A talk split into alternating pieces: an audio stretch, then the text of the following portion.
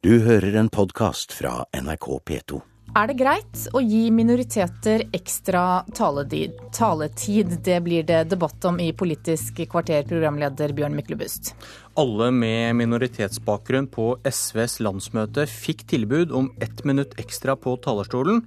Et diskriminerende og nedlatende tilbud, mener en som kunne fått et ekstra minutt hvis han var SV-er.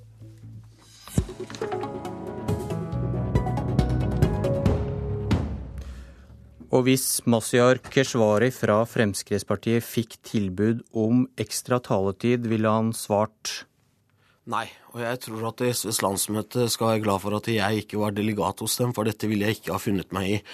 Det å gi noen eh, ekstra taletid basert på deres etniske opprinnelse, det syns jeg er eh, veldig uheldig og forkastelig, for å være helt ærlig. Fordi det gir et eh, inntrykk av at vi som ikke er født i Norge, eller som har foreldre som ikke er født i Norge. Vi er ikke likeverdige de andre delegatene på landsmøtene til våre respektive partier. Eh, vi har på et slags måte en form for handikap som må eh, jevnes ut ved at eh, vi får mer taletid. Og vi kan bare tenke oss, programleder, reaksjoner hvis det hadde vært motsatt. Hvis delegater til et, et, politisk partis landsmøte hadde fått redusert taletid i forbindelse med en landsmøte, da kan vi bare tenke oss hva slags eh, hyling og skriking og beskyldninger om rasisme og diskriminering hadde oppstått, med rette. Gulai Kutal i SV, hvorfor hadde dere tilbud om ekstra lang taletid for minoriteter? Ja, Først må jeg si at jeg syns det er veldig artig at uh, Fremskrittspartiet er interessert i våre regler og for forretningsorden og vedtekter i vårt parti. Det syns jeg faktisk er veldig bra. Vi i SV tar partidemokratiet på alvor. Vi mener at alle skal delta i politiske prosesser. Og demokratisk deltakelse er viktig for oss. Alle skal få si hva de mener, og alle skal gjøre seg forstått. Og når de kommer til Norge i en voksen alder, sånn som jeg har gjort, er det vanskelig, eller det tar tid å bli god i det nye språket. Hvis man føler at man ikke kan språket godt nok til å kunne si det man vil si i løpet av to minutter, som er da vanlig taletid, så tør man ikke stå i talerstolen. Da går vi glipp av deltakelse fra det medlemmet. Vi vil at innvandrere skal delta i politiske prosesser. Da må vi ta oss råd til å bruke ett ekstra minutt, for det kan være helt avgjørende for noen på hvorvidt de skal eh, de tør stå i talerstolen eller ikke, og hvorvidt de klarer å formidle det de ville si. En praktisk forklaring, Keshvari? Nei, en prinsippløs tilnærming til hvordan vi deltar i det offentlige rom, i demokratiet og på alle områder i samfunnet vårt.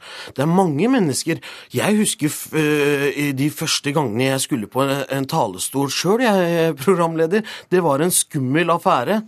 Jeg var, eh, jeg var, veldig nervøs, og, og, og, og, sånn er det for ganske mange. Men det å gi noen fordeler eller ulemper basert på deres opprinnelse, det blir helt galt. Vi må delta i samfunnet. Det er kjempeflott at SV ønsker at mennesker med ulik bakgrunn skal delta i deres parti. Det ønsker vi også, men det må jo skje på like vilkår det sekundet noen får en eh, fordel eller en ulempe Altså, disse to tinga henger sammen. Men hadde det vært en ulempe, så ville det vært ramaskrik i samfunnet vårt. Hvis det hadde vært slik at noen basert på eh, kriterier de ikke kan noe med, hadde fått en ulempe, så ville alle ha reagert. Men her får de da altså et lite minutt, som hun prøver å fremstille det.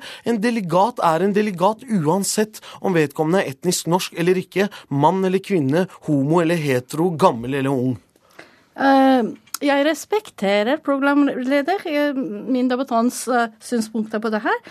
Jeg respekterer alle de som ikke bruker den ekstra taletiden fordi de er så gode i språket, eller Eh, fordi at de er prinsipiell mot positiv forskjellsbehandling, men jeg respekterer også de som vil bruke det, fordi de trenger litt ekstra tid for å kunne kommunisere tydelig. Var det, jeg, var, det, var det, mange som benyttet seg av denne muligheten? Nei, det var kanskje ingen, kanskje én. Men jeg har f.eks.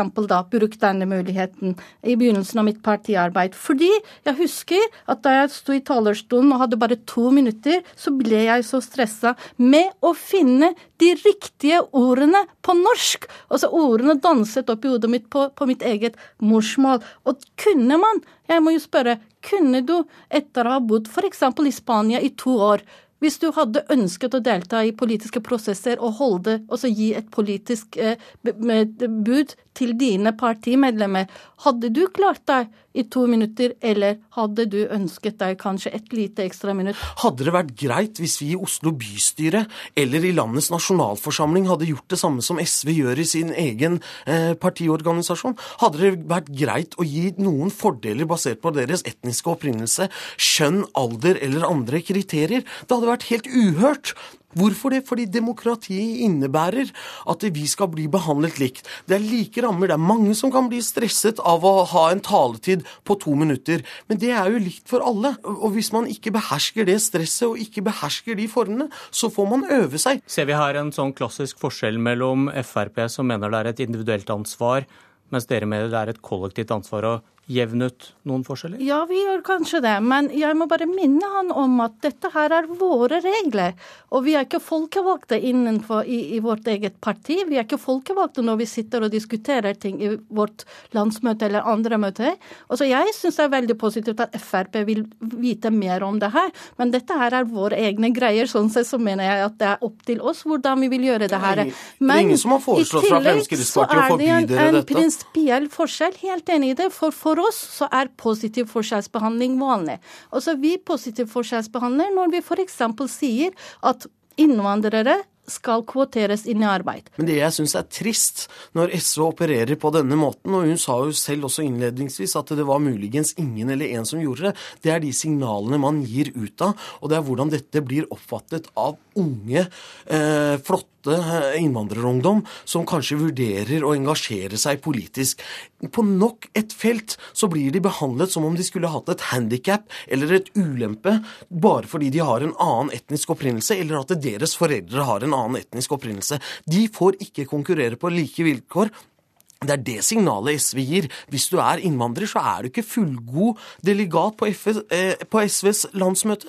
Du har en ulempe i og med at du har en annen opprinnelse, og det må vi jevne ut ved å gi deg et minutt. Det at, det at ingen, nesten ingen da bruker denne rettigheten, Kutal, eh, kan det være at noen skammer seg for å be om det?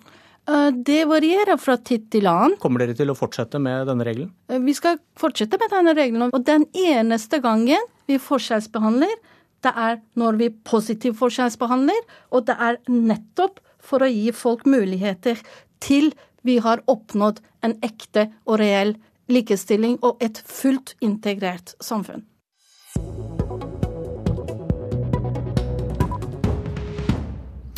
Politikk handler om kampen mellom dem som er rykende uenige, som vi nettopp hørte, og mellom dem som nesten er helt enige, som du nå skal få høre. Hanna Markussen i Miljøpartiet De Grønne, dere må kanskje angripe andre miljøpartier for å bli synlige?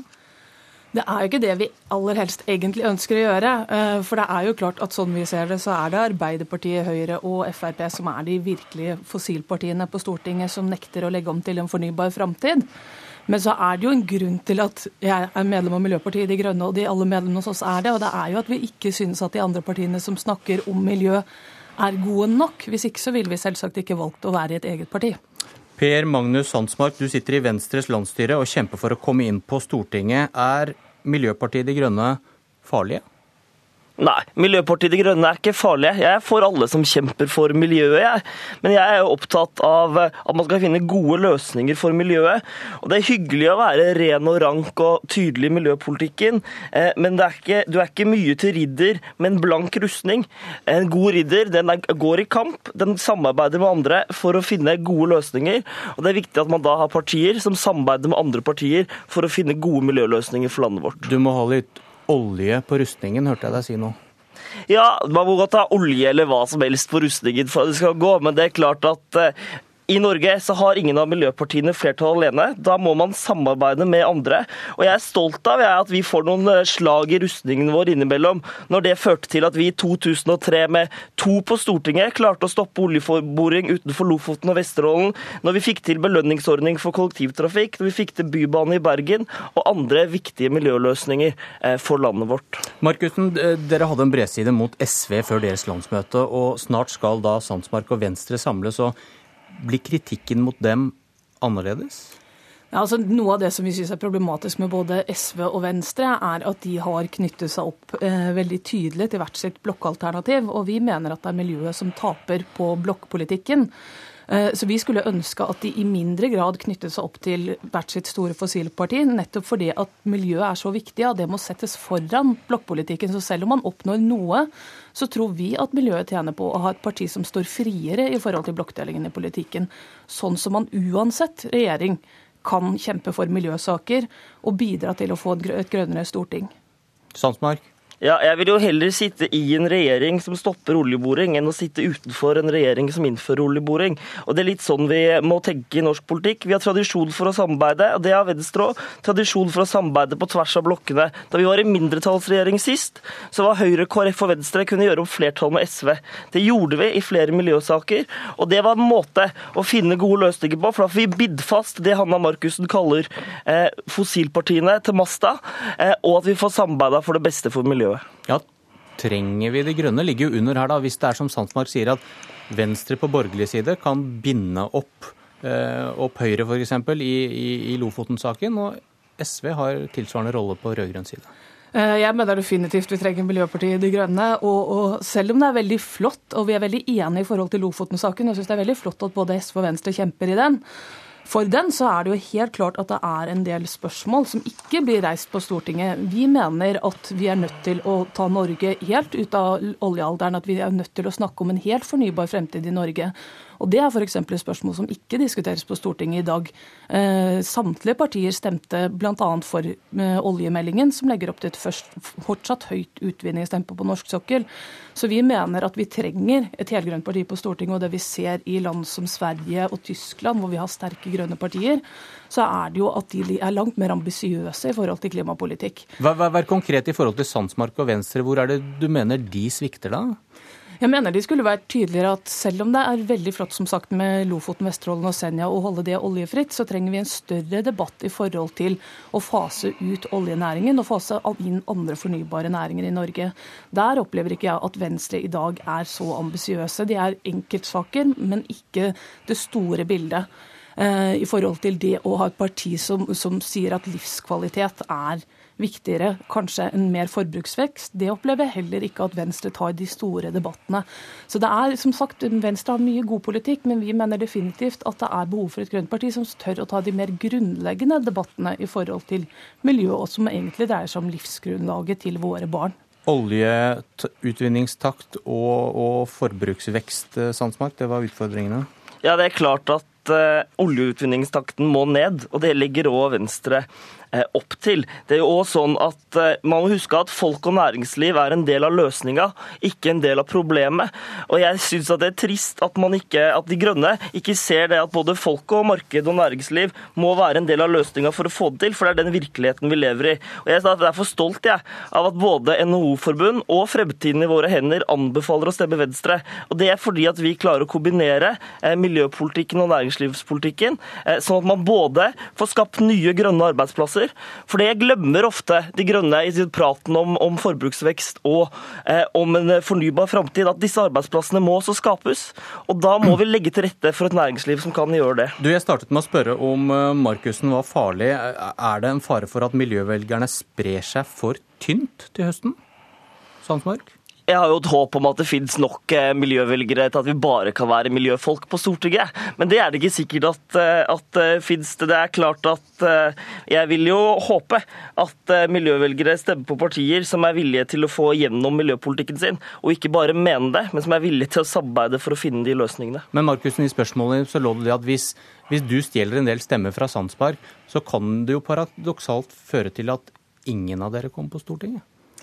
Eh, det tror jeg ikke er riktig. og Vårt primærmål er jo faktisk å også nå ut til miljøbevisste velgere, både i Arbeiderpartiet og i Høyre. For vi vet at det er mange miljøbevisste velgere som stemmer på de i dag, men som savner en mer offensiv klimapolitikk. Og det er heller ikke riktig at ikke vi kan samarbeide med andre politiske partier, ei heller at ikke vi er for et næringsliv.